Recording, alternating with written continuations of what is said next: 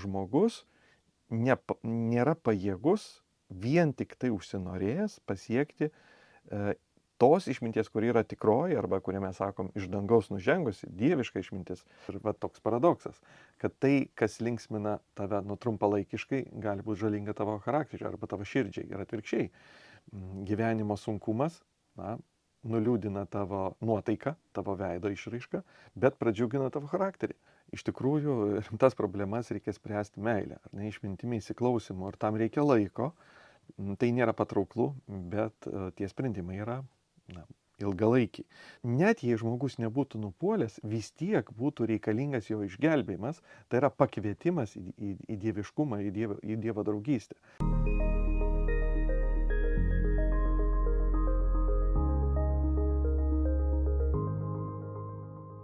Sveiki, mėlyjei, ar mūsų klausotės, ar mūsų žiūrite apologetika.lt YouTube kanale, o klausotės per e, Marijos radiją ar XFM radijos stoties eteryje. Dėkoju visiems, kurie esate kartu su mumis. Kartu su Vytauto didžiojo universiteto docentu Pauliumi Čerka. Sveiki, Pauliau. Sveiki. Keliaujame per mokytojo knygą. Aš esu Laurinas Jacevičius, apologetika.lt e, įkūrėjas. Ir dabar esame sustoję prie septinto skyriaus, bandysim jį po truputėlį skaityti, nežinau, ar pavyks šiandien perskaityti jį visą, jei ne, tai atidėsim kitam kartui, kadangi skubos jokios nėra, tiesiog bandom nagrinėti ir žiūrėti, kokios išminties iš to e, galim pasisemti. Ir skaitysim po mažą gabaliuką ir bandysim aptarinėti. Tad pradedam nuo septinto skyriaus pirmos eilutės. Geras vardas vertesnis už kvapų aliejų, mirties diena vertesnė už gimimo dieną čia galima ir staptelti trumpai ir iš tikrųjų paklausti tokio klausimo, o kodėlgi mokytojas sako, kad mirties diena yra vertesnė už gimimo dieną, nes tai toli gražu nėra visiems suprantama. Taip, ir matyti reikia žiūrėti pačią pradžią, ką jis nori pasakyti apie vardą ir aliejų.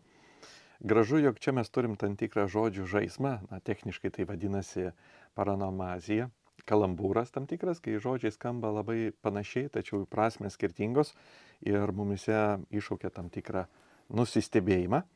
E, hebrajiškai yra tas šem vardas ir šemen arba mišemen būtų tepalas, skamba tikrai panašiai.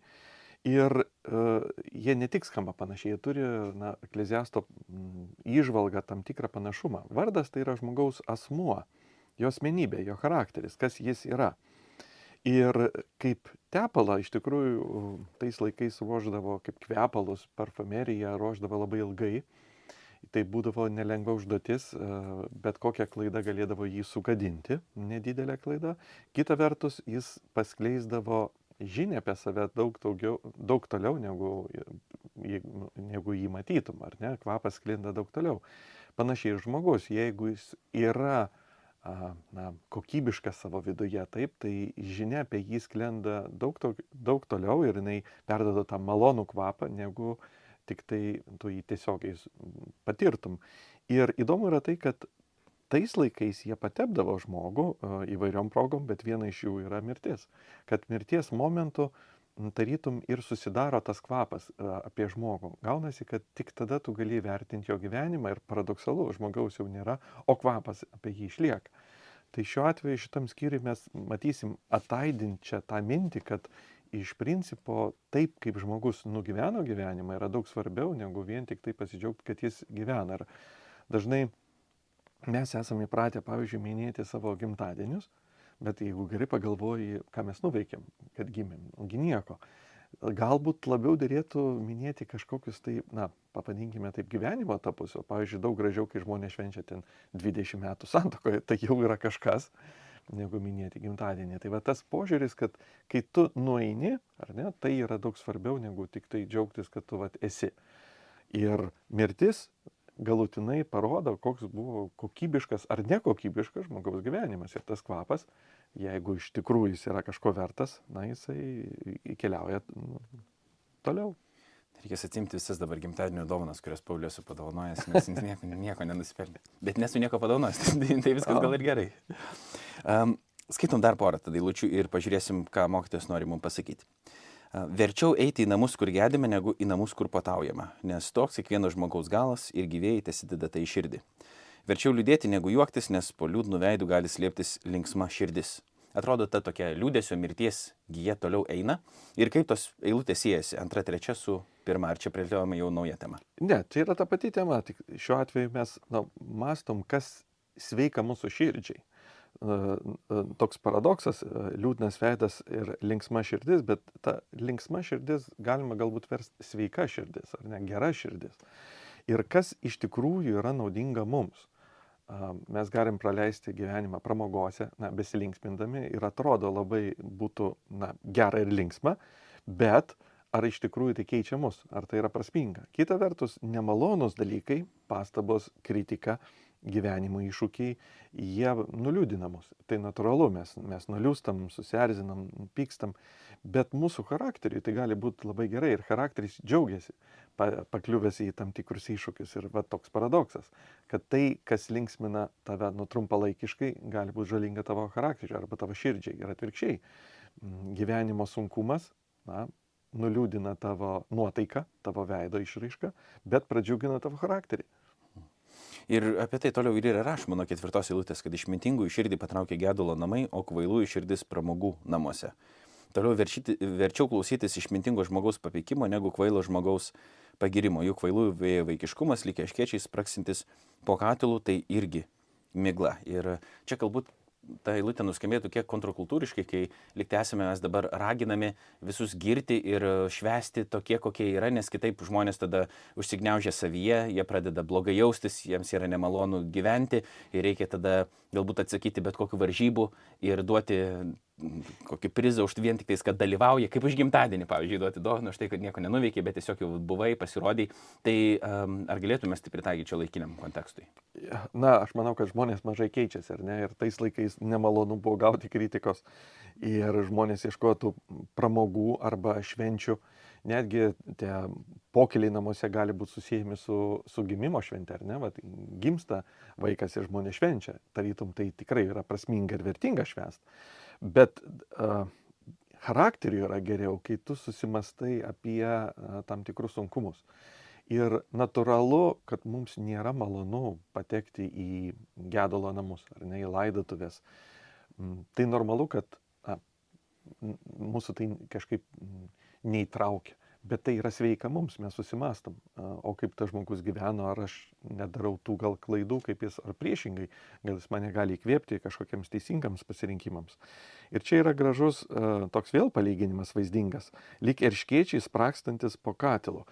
Na, idėja yra tokia, kad erškiečiai jie labai greit sudega, šiais laikais mes gal popierį naudojam, liepsnos daug, bet katilas neužverda. Kitaip tariant, naudos mažai ta atrodo ugnies yra, karščiai yra, bet jis nieko nenuveikia. O tas, kas yra tikra, tas, e, sakykime, gal jis netaip, e, netaip yra spraksėjimo daug, ar ne, bet ta ugnis, jinai ilgalaikiai, jinai kažką išverda tavyje gerą patiekalą. Ir va taip yra, kad yra dalykai, kurie atrodo daug žadantis, labai greiti, bet charakteris, na, nemėgsta to greičio. Ne, pokyčiai, jie ateina, na, kaip sakyt, e, lietai, bet už tai garantuotai. Čia kalba apie tai ir kartais yra nemalonus įvykiai, jie mus, sakykime, padaro mums tai, kas labiausiai atrodo malonu, bet mūsų charakterį. Nuo septintos įlūtės. Iš tikrųjų, engimas net išmintingai gali sukvailinti, o kyšis sugadina širdį. Reikalo pabaiga vertesnė už pradžią, kantri dvasia vertingesnė negu išpuikusi. Neskubėk supykti, nes pyktis glaudžiasi prie kvailojo krūtinės. Apie kyšius mes jau kalbėjom nemažai prieš tai, tai nežinau, ar čia verta yra mm, sustoti, bet galbūt apie pyktį galėtum pakalbėti, kad čia yra sakoma, neskubėk supykti ir kitoje vietoje mes Biblijoje skaitom, kad mm, Dievas yra lėtas pykti, bet yra gailestingas, atjaučiantis ir taip, kad nesakoma, kad uh, pyktis kaip toks yra blogas dalykas, apie tai mes galim truputį tikriausiai padiskutuoti. Po to irgi mums yra sakoma, kad e, tegul saulė nenusileidžia ant jūsų rūstybės ir apie tai, man atrodo, mes kalbėjome. Jeigu gerai aš atsimenu, jeigu ne, tai galėsim truputį pasikalbėti, bet e, gal tą pykčio temą truputį paplėtoti. Kodėl ir... svarbu neskubėti pykti ir pykčio prigimtis ir ar jis visą laiką yra blogai? Ne, ir zulys savaime nėra blogas dalykas, tai yra mūsų emocija ir jinai yra sveika emocija. Problema, jog jei mes jai pasiduodam, skubame priimti sprendimus ir iliuzija, jog tu gali mm, labai paprastai įspręsti agresyvumu kažkokią rimtą problemą. Ir tai yra pagunda. Dažnai mes norim jėga įspręsti problemą. Čia ir dabar. Na, su kirviu pakapoti, e, išdaužyti kažką, nukirsti kad, kategoriškų sprendimų. tai yra pagunda lik lengv, lengvai galima įspręsti sunkias dažniausiai santykių ar kitas problemas. Tikroji išmintis kitaip žiūri tą klausimą. Nei santykiuose su vaikais ar su tėvais ar bendradarbiais dažnai, sakykime, kategoriškumas netveda prie gerų rezultatų. Nors labai yra pagundimas, kad vat, aš imsiu, viskas man nusibodo, čia ir dabar labai kategoriškai sprendimais viską greitai spręsiu. Karas niekada nėra sprendimas, ar ne? Nors yra pagunda, kad mes galim greitai spręsti. Ir iš tikrųjų rimtas problemas reikia spręsti meilę, ar ne išmintimi įsiklausimu, ir tam reikia laiko. Tai nėra patrauklų, bet e, tie sprendimai yra na, ilgalaikiai. Tai šiuo atveju matom, kad išmintingas yra na, gundomas priimti lengvą sprendimą, tai yra pykčio sprendimą, bet rezultatė pasirodė, kad tu tampi kvailas, jeigu nori jėga išspręsti uždavinius. Įdomiai skamba dešimta eilutė. Nesakyk, tad kaip gali būti, kad seniau buvo geriau negu dabar, nes neišmintinga kelti tokį klausimą. Neretai pasigirsta tokių balsų, kurie sako, arba, vat, kad seniau buvo geriau, vat, mūsų laikais tai taip nebūdavo, dabar vat, jaunimas toks ir toks. Ir taip pat yra priešingų visiškai balsų, kad viskas, kas buvo senai, yra blogai. Ta prasme, jūsų, pavyzdžiui, krikščionybė yra bloga vien dėl to, kad jinai yra sena. Nes geri dalykai yra nauji dalykai, progresas. Tai kaip dabar reikėtų, mes kalbėjome apie balansuotą gyvenimą irgi. Ir panašu, kad ir čia yra tarsi kažkoks aukso vidurys, arba bent jau išmintis, kaip reikėtų traktuoti praeitį ir ateitį. Na, tyrimai sako, kad dauguma žmonių yra linkę sakyti, kad anksčiau buvo geriau. Na, ir, Elksenos tyrimai, moksliniai tyrimai galbūt bando tai paaiškinti, jeigu mes linkę pamiršti neigiamus dalykus, ištrinti juos, mūsų atmintis taip veikia ir, ir, ir išsisaugo tik tai tos pozityvesnius, susidaro įspūdis, kad mūsų na, praeitis, konkrečiai individuali praeitis ar netgi tautos praeitis, jinai kažko buvo uh, įspūdinga arba labai gera, kartais yra toks mitinis aukso amžius dažnai kultūroje, kuomet mes įsivaizduojam, kad vat, buvo kažko, kažkokia epocha, į kurią mes vis bandom grįžti. Kartais tai apeliuoja žmonių sąmonėm, kartais būna politiniai šūkiai make great again, reiškia tam tikras atgaivinimas to, kur tarytum buvo, nors dažnai žmonės patys net ir nežino, tikrai tai buvo taip gerai. Tai va, toks veikia mūsų mąstymas, kur jo yra klaida. Čia galiu truputį vat, šitą vietą įsaptilti. Vakar klausiau uh, Trento Horno, man atrodo, buvo e, tinklalaidė, e, katalikų toks apologetas, kuris nagrinėjo naujai pasirodančius tiktokerius, kurie sako, kad Bin Ladeno laiškas, kuriuo, kuris išdėsto argumentus, kodėl buvo užpulta Amerika rugsėjo 11 2001 metų, kad vis dėlto tie argumentai yra validus ir amerikiečiai patys taip sako, tie tiktokeriai, žiūrėkit, vat, kokie geri argumentai buvo ir iš tikrųjų mes gal esam blogiausia valstybė e, praktiškai pasaulyje ir jie dabar žiūri, sakykime, į tą praeitį ir atranda argumentų tokiam, nu, buvo Amerikoje didelė tragedija ir blogis, pateisinti tarsi žiūrėdami iš jo laikinės tokios perspektyvos kažkokios tarsi savo susikurtos pasaulyje žiūros, kad va žiūrėkit, iš tikrųjų jie kovojo prieš Amerikos kažkokią priespaudą ir vis dėlto gal tai nebuvo taip blogai. Čia, čia Laurinai, temos yra truputį, sakykime, kita, gal ki, kitas aspektas, jog mes visada linkę vertinti iš dabartinės perspektyvos praeitį ir joje kartais matom teigiamus ar neigiamus dalykus, bet uh, pamirštam, kad nu, mums uh, neteisinga yra vertinti iš, iš ne jų požiūrio taško. Čia šiek tiek gal kitą problemą paliestume. Šiuo atveju mes kalbam apie tam tikrą praeities gyvenimo nusuidealizavimą, kaip mhm. aukso amžiaus, mitinis kažkoks amžius, į kurį uh, politikai apeliuoja, mes patys apeliuojam, bandom sugrįžti. Ir dažniausiai istorikai jie mus nuramina ir sako, nebuvo viskas taip gerai, kaip mes įsivaizduojam, tai yra tam tikras mūsų lūkestis ar įsivaizdavimas, jis neturi, sakykime, tikroviškumo pagrindo, bet ką turbūt mokytojas kalba, jisai kalba apie tai, kad kuo daugiau mes galvome apie praeitį, mes nusivėliam dabartim ir pamirštam gyventi, kad gyvenam čia ir dabar. Mhm išminčiai jokio skirtumo nėra, kur tu gyveni. Ar tau geriau, ar tau blogiau. Ekleziastas nenori pasakyti, kad būtinai praeitis yra tokia pati, geresnė ar blogesnė. Pats principas, kad yra tu pamiršti dabartį, savo gyvenimo iššūkius ir vis galvoji, kad o, kad aš būčiau gyvenęs kažkur kitur, yra klaidingas. Nes tau reikia bręst. O brandai užtenka taip, kaip yra. Ir nesvarbu, ar yra geriau ar blogiau, akivaizdu, kad situacijos tikrai keičiasi. Niekas nėra taip pat.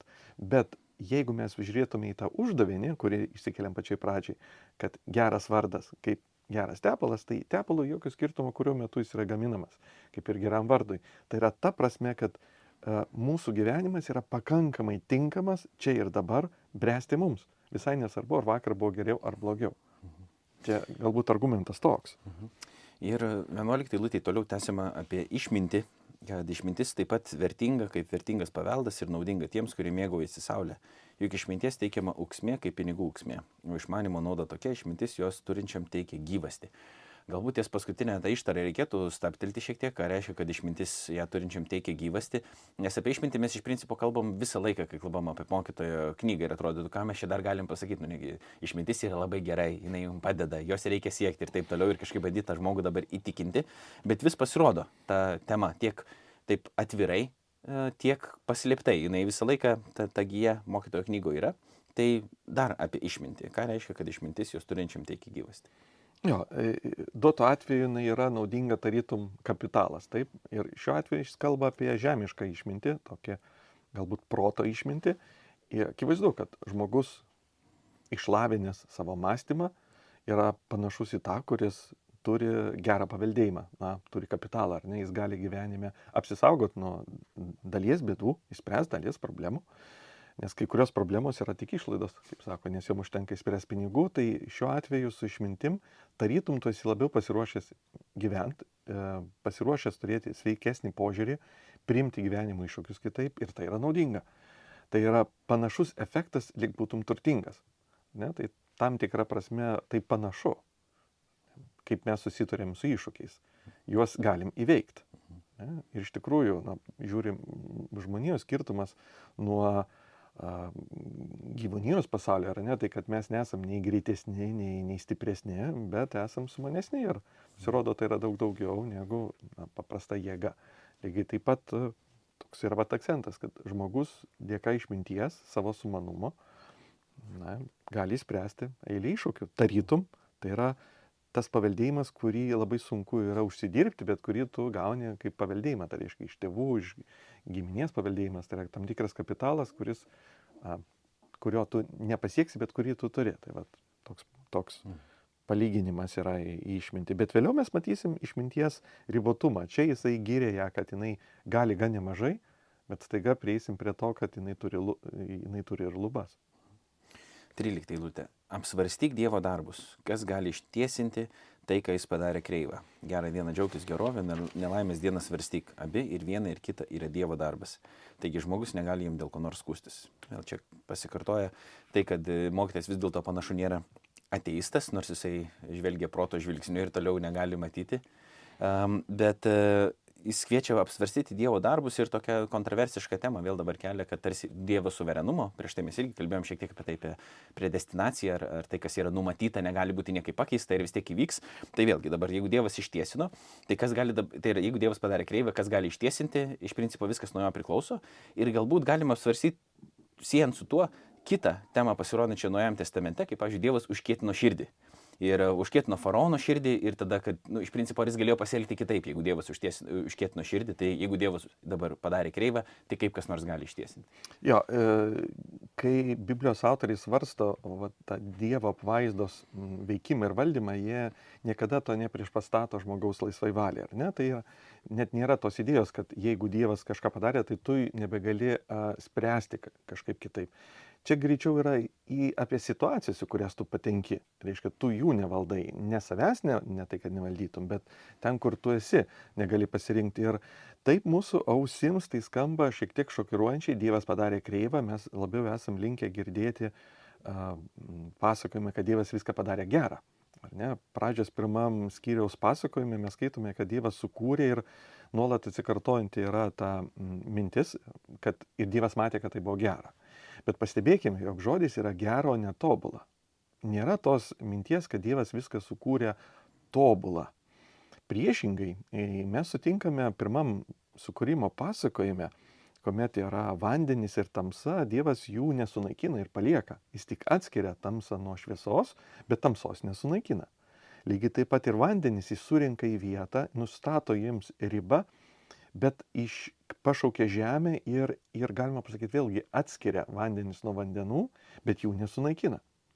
Antram sukūrimo pasakojime Edeno sodą vėl mes, mes skaitome apie dykvietę, kur Dievas įkūrė sodą, bet dykvietės nesunaikina. Sodas plečiasi, bet dykuma taip pat išlieka. Ir jeigu Dievas būtų norėjęs, jis būtų galėjęs iš principo sunaikinti. Kas yra įdomu, kad paskutinėje Biblijos knygoje, prieškimo knygoje mes skaitom apie gan irgi neįprastą mintį, jog jūra bus, jūros daugiau nebebus. Ir, ir tamsos daugiau nebebus, nakties nebebus. Jo, tai duotų atveju eina kalba apie tą pirmą pradę chaoso jūrą, ar ne, tuos vandenis. Ir vieną, e, reiškia, kulminaciją mūsų istorijos mes pasieksim tašką, kuomet jos neliks, bet šiuo metu taip nėra. Yra tam tikras netobulumas savaip tobulas, kuris yra gerai, kad jis yra. Reiškia, tas kreivumas yra gerai, kad jis yra. Čia kalbama apie fizinį blogį. Filosofiškai jis vadinasi fizinį blogių, nemoralinis blogis, kurio Dievas nesukūrė. Tai yra, vėliau mes ir, ir, ir mokytojų knygoje skaitysim, kad žmonės pasirinko moralinį blogį, bet fizinis blogis, jis yra užkoduotas pačioj pradžioj, jau kūrinijos ištakoje, jis, jis yra, netobulumas yra, bet tobulumui jo reikia. Jis yra savaip geras, savaip darnus ir galima pasakyti, kad mes esam, teologiškai tariant, kelionėje kelionėje. Ir instato vyja, čia toks latiniškas terminas kaip piligrimystė arba kelionėje, ar ne? Kelionės būklėje, jo kūrinyje sukurta yra neužbaigta žmogui leidžiant dalyvauti jos užbaigime. Ir dažnai mes kalbame tik apie žmonijos, žmonijos nuopolį, kaip, kaip atpirkimą, kuris atstato, sakykime, š, š, išsprendžia tą problemą, bet pamirštam, kad yra ir kitas dalykas, jog pačioj kūrinijos pradžioj jau žmogus yra netobulas, pakviestas į Dievo panašumą, bet dar jo neturintis. Ir net jei žmogus nebūtų nupuolęs, vis tiek būtų reikalingas jo išgelbėjimas, tai yra pakvietimas į, į, į dieviškumą, į dievo, į dievo draugystę. Irenėjus vienas iš bažnyčios tėvų tą akcentavo, vėliau dalis teologų uh, užėmė ir tokią nuostatą, jinai galbūt nėra visuotinai primtina, bet pakankamai nemažai atstovauja tai nuostatai, kad net jei žmogus nebūtų nupuolęs, Dievas vis tiek būtų tapęs žmogumi, ne, būtent dėl tos priežasties, kad kūrinė yra netobula, tačiau Dievas ją šaukia pas, e, reiškia, į, į bendrystę su juo ir jau apaštas Paulius mus nupiešė tą kulminacija, kuomet visa visame bus Dievas. Dievas bus visa visose. Tai vad būtent tai yra kulminacija, kūrinijos perkeitimas ir žmonijos perkeitimas. Tai čia aš manau, kad mokytojas tai stebi, to skausmo ir netobulumo yra daug ir Dievas tai leidžia ir netgi tam tikrosme ir nori to, nes tai padeda mums bręst. Kai jis kalba apie tą nelaimės dieną, tai ir yra tas kreivumas, kurį Dievas padaro. Nemoralinis, bet fizinis netobulumas. Jis reikalingas, kad mes galėtume pasiekti moralinį brandą. Bet tai jūs čia dabar gazinat, Pauliu, visus žmonės, nes e, daug kas yra kitaip mąstyti ir visai kitaip girdėti. Tai kaip čia dabar taip yra, kad suklydo daug e, mokytojų ar e, tiesiog, sakykime, patys krikščionys suklydo galvodami, dažnai vis tiek galvoja, kad viskas buvo iš pradžių labai gerai, Įskaitant ir, nu, mora, Būtent, čia apie moralę. Labai gerai. Nu, Tikrai buvo gerai, labai tobulą, gerai. Bet, bet nebuvo tobulą. Nu, va. žodis yra, nėra. Bet, bet gerai, pasitaiko ir tai, kad ne tik labai gerai, bet kai viskas buvo pradžioj buvo tobulą ir tada po žmogaus nuopolio, čia tada yra atskirų teologinių mokyklų, sako, tada ir fizinis blogis atsirado, nes prieš tai jau nebuvo, prieš tai nebuvo jokios mirties, ne tik tais dvasinės mirties nebuvo jokios, absoliučiai ir, ir ten krokodilai nevalgė, ten ką jie bevalgytų, nežinau, steiką. Bet uh, Tai kaip čia dabar taip atsitiko, kad e, ar žmonės netaip suprato, ar per netaip uh, atidžiai skaito tą pradžios knygos tekstą, kodėl pas mumis yra įsišaknyjus tokia nuostata, kad viskas buvo iš pradžių tobula ir dabar mes iš principo grįžtam tik į pirmykštį tobulumą vietoj to, kad judėtumėm liktai tarp e, link to galutinio tobulumo, kai Dievas taps visa, visame kame. Ir yra tas terminas teozė, toksai dėvėjimas, panašėjimas į Dievą. Uh, nors mes jį kaip ir turim, bet tarsi vis tiek galbūt pasąmoningai suprantam taip, kad tai yra tarsi grįžimas prie to, kaip buvo pradžioje viskas labai gerai, o ne kažkas iš, iš principo užprogramuota jau. Taip, požiūris, kad vienintelė problema, kurią mes turim, tik yra nuopolis, Adomo ir Jėvos pirmą pradė nuodėmė, na, taip, tai yra problema, bet jinai nebuvo vienintelė. Žmogus net ir nenupuolęs turėjo iššūkį, na, sa, savo jėgomis nebūtų galėjęs pasiekti Dievo bendrystės. Jam tai turėjo būti padovanota. Ir Dievas, reiškia, jį pašaukė būti panašiu į savim, leido gyventi netobulam pasaulyje, bet tame sutikti jį ir jo dovaną. Taip kad tai buvo nuo pat pradžių. Ir skaitant apriškimo knygą mes aiškiai matom, kad yra atgarsis Edeno sodo, bet jis žymiai prakelnesnis. Matydami naują žemę, naują dangų, naują Jeruzalę, mes girdim ataidint e, pirmosius Biblijos puslapius, bet jau tarytum pakeltus kvadratu. Akivaizdu, kad tas pirminė būsena, kokia jinai bebūtų, su kurimi jinai nebuvo tobula, dar buvo potencialas aukti ir vystytis. Ir diskutuojama, aišku, yra, ar, ar Dievo sukurtam pasaulyje mirtis buvo ar ne, čia įvairių yra nuostatų. Pavyzdžiui, Tomas Akvinėtis, jis masto, kad e, buvo mirtis, nes kitaip kūrinė negalėtų būti. Jis yra reikalinga e, augmenijai, augalam, gyvūnams išbūti. Ir tokiu atveju jinai yra gera, ta prasme, kad, na, miškui tai sveika jo, jo eko, ekosistema yra sveika, kad vieni gyvūnai miršta ir, ir, ir jie yra tampa maistas kitiem. Iš esmės tai yra gėris, nes jeigu žiūrint iš visumos perspektyvos, nors aišku tai yra blogi žiūrint iš to, sakykime, numirusio gyvūno, aiškiai, požiūrė taško. Tai tikrai tai nėra nesuderinamas požiūris su šventuoju raštu, kad mirtis kaip tokia ji buvo, bet jinai neviešpatavo iki nuopolio. Tai nebuvo jos e, viešpatavimo ir nebuvo jos baimės. Vat būtent tai yra nuopolio padarinys, bet ne pati mirtis. Fizinė prasme mirtis. Tai. Mhm. Pažiūrime 15 eilutę ir toliau. Per savo trumpą gyvenimą mačiau du dalykus. Kartais teisus žmogus pražūva, nepaisant jo teisumo, ir kartais nedorelis išlieka, nepaisant jo nedarumo. Neperdėk būdamas teisus ir neperdėk būdamas išmintingas. Kamgi turėtum save pražudyti? Neperdėk būdamas nedoras ir nebūk kvailas. Kamgi turėtumai mirti prieš laiką? Geriausia, kad vieno laikytumės, bet ir nuo kito rankos netitrauktum. Nes kas bijo Dievo, tam su abiem seksis. Galbūt labiausiai intriguoja 16 eilutė, kur esam kviečiami neperdėti būdami teisingi ir būdami išmintingi. E, čia ir yra tos išminties ribos, ne, apie ką jau užsiminėt prieš tai. Taip, čia provokuojantis e, kvietimas, e, dažnai mums netikėta yra, kodėl, kodėl nereikėtų perduoti ir ieškoti tam tikro balanso. Ir čia turbūt galima pateikti keletą požiūrių. Vienas iš jų yra tam tikras lūkestis, kad mūsų išmintingumas nulėmė mūsų gyvenimo sėkmingumą, ar ne? Su kuo iš tikrųjų Ekleziasto knyga bando kovoti, įrodydama, kad mes nevaldom gyvenimo procesų, net jeigu tu labai labai išmintingas ar teisus būtum, visai nereiškia, kad tavo žemiškas, sakykime, gyvenimas bus mm, stipriai įtakotas. Kita vertus, uh, negalime nukrypti kitą pusę, kad jokios prasmės tada nėra, ar ne? Ir vatarytum tarptų dviejų balansų ieškoti sveiko, svei, sveikos nuovokos. Kita vertus, galima galbūt taip žiūrėti, kad kas tas yra per daug teisus. Turbūt tas, kuris jau save mato išmintinga savo akise. O kas yra per daug neteisus, tas, kuris nemato savyje neteisybės. Tai va tas per didelis išmintingumas yra, kai tu jau nusprendi, kad tu tapai išmintingas. O per didelis neteisumas, kai jau savyje nebematai to neigiamų bruožų, ar ne, tai tokiu atveju tu ne tik, kad esi neteisus, tu jau esi per daug neteisus. Mhm. Galbūt aš, sakykime, iš tos pusės žiūrėčiau į kvietimą tam, tam tikros Dievo baimės, tai yra santūrumo požiūrį į save. Ir po to įsigrįžta 19 eilutė prie vėl išminties gyrimo. Išmintis gina išmintingai geriau negu 10 mieste esančių didžiūnų. Iš tikrųjų nėra žemėje nei vieno žmogaus, kuris būtų toks teisus, jog tik gerai elgtųsi ir niekada nenusidėtų. Čia panašu apie tai, ką, ką tik kalbėjot. Pagaliau nekreipdėmėsiu į visą, ką žmonės kalba, kad neišgirstum savo vergo tave keikiant. Juk savo širdyje žinai, kad dažnai esi keikęs kitus. Visą tai tyriau išmintimi, tariau bus išmintingas, bet išmintis liko toli nuo manęs. Toli visa, kas buvo ir giliai, giliai palaidota. Kas gali tai išaiškinti? Atsidėjau širdimi pažinti, tirti, ieškoti išminties bei dalykų supratimo, norėdami suvokti, kad nedarumas kvailas, o kvailybė beprotybė.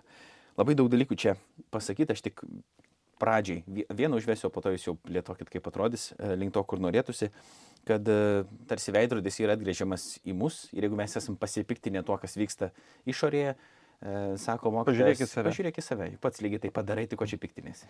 Jo, pats geriausias vaistas, pažiūrėk į save ir dažnai mes pamirštam. Pažiūrėti į save labai sunku yra pažiūrėti į save iš šalies. Mm, na, ir, ir labai dažnai mes atrastume savyje tai, už ką smerkiam kitus. Ar yra dar čia kažkas, prie ko būtų verta sustoti? Čia mes atidarom naują mintį, kad visą tai ištyriau išmintimi, tariau būsiu išmintingas, bet išmintis liko toli nuo manęs. Čia tam tikras paradoksas. Viena vertus aš nusprendžiu būti išmintingas, kita vertus suvokiu, kad negaliu jo tapti. Va, ir čia yra tos išminties ribos, jog aš negaliu tikrosios išminties pasiekti žmogišką išmintimi. Ne? Žmogiška išmintis yra naudinga, bet ji turi ribą, tu negali pasiekti dieviškos išminties. Ji per giliai, per aukštai.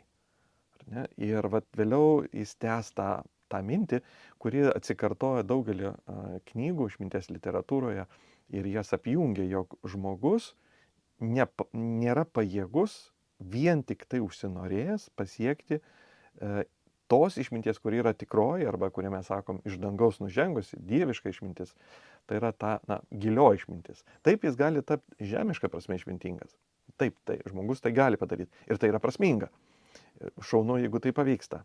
Bet to neužtenka, kad taptum tikrai išmintingas jau dangiškoj perspektyvoj ir šiuo atveju čia yra jo žodžiai, kad išmintimi tyriau išmintimi, tariau būsiu išmintingas, bet ji liko toli nuo manęs. Ir vėliau jisai pateiks pavyzdį, tam tikrą alegoriją, kurią bandysim irgi minti. Tai pabandom, pažiūrim.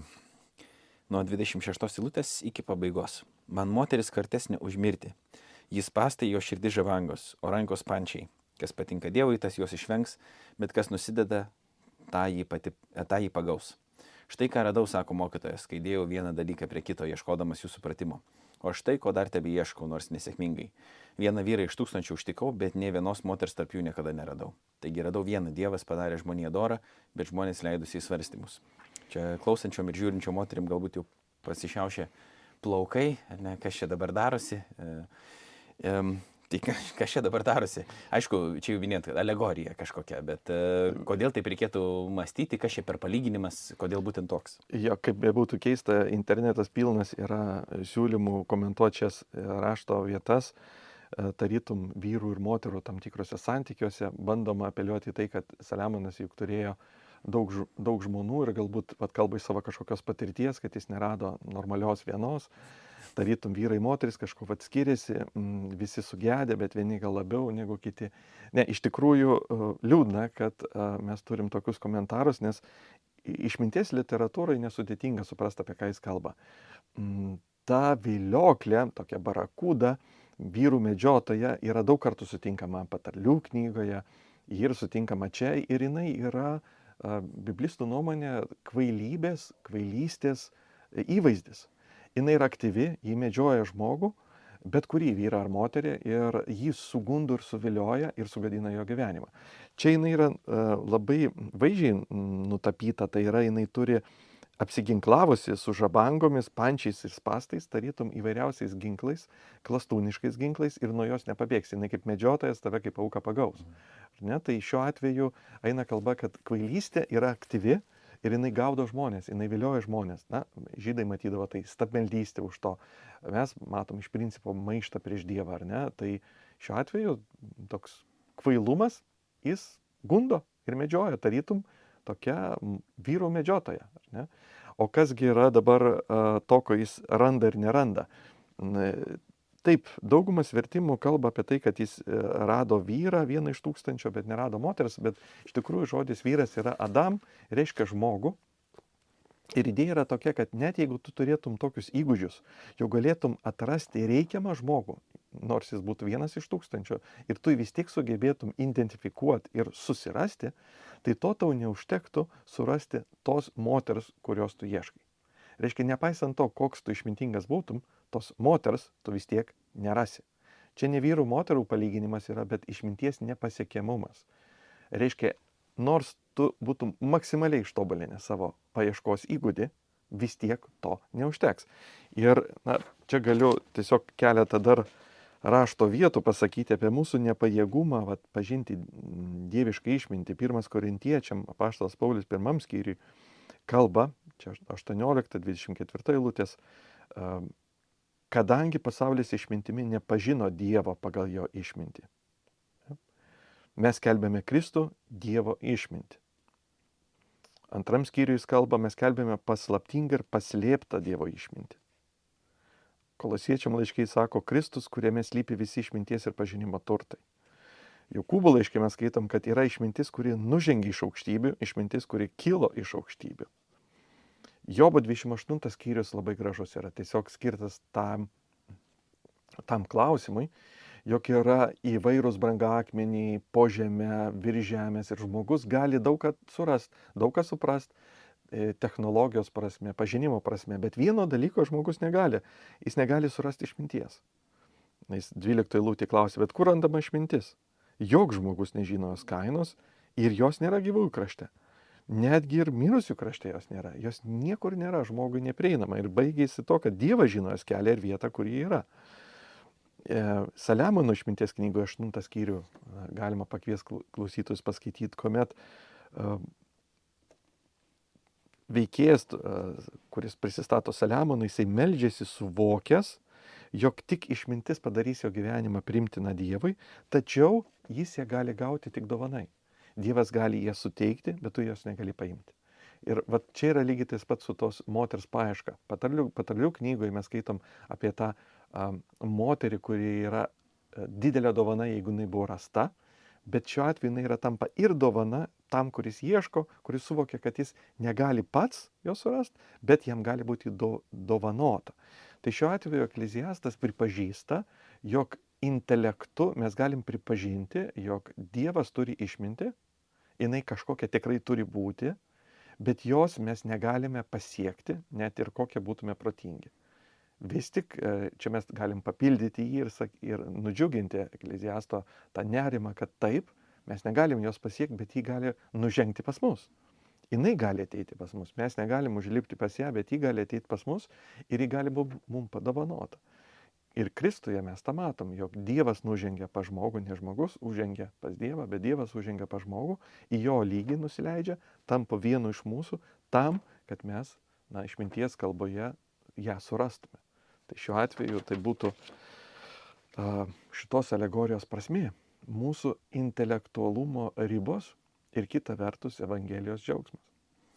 Na labai gražiai, čia viską pasakėt, Pauliu, čia bet ką, ką pasakysiu, dabar sugadinsiu, tai daugiau nieko nesakysiu, baigsim. Šiandien uh, spėjom aptarti visą septintą skyrių, kitą kartą eisim prie aštunto. Dėkojom Marijos radijui, kad mus čia įsileido. Malonu su pačiu gyvai irgi sustikti, ne, ne per nuotolį. Viliuosi, kad ir tiem, kurie mus ne tik klauso, bet ir žiūri, irgi buvo smagiau mus uh, pamatyti kartu sėdinčius uh, vienas prie kito. Dėkoju visiems, kad buvot kartu. Jeigu ką nors esat praleidę, viską galite rasti tiek Marijos radijo uh, grojaraščiuose Biblijos slėpinių, tiek apologetika.lt YouTube kanale grojarašti Biblijos slėpiniai. Ačiū visiems, ačiū Pauliu ir iki kitų susitikimų. Sudė. Iki, sudė.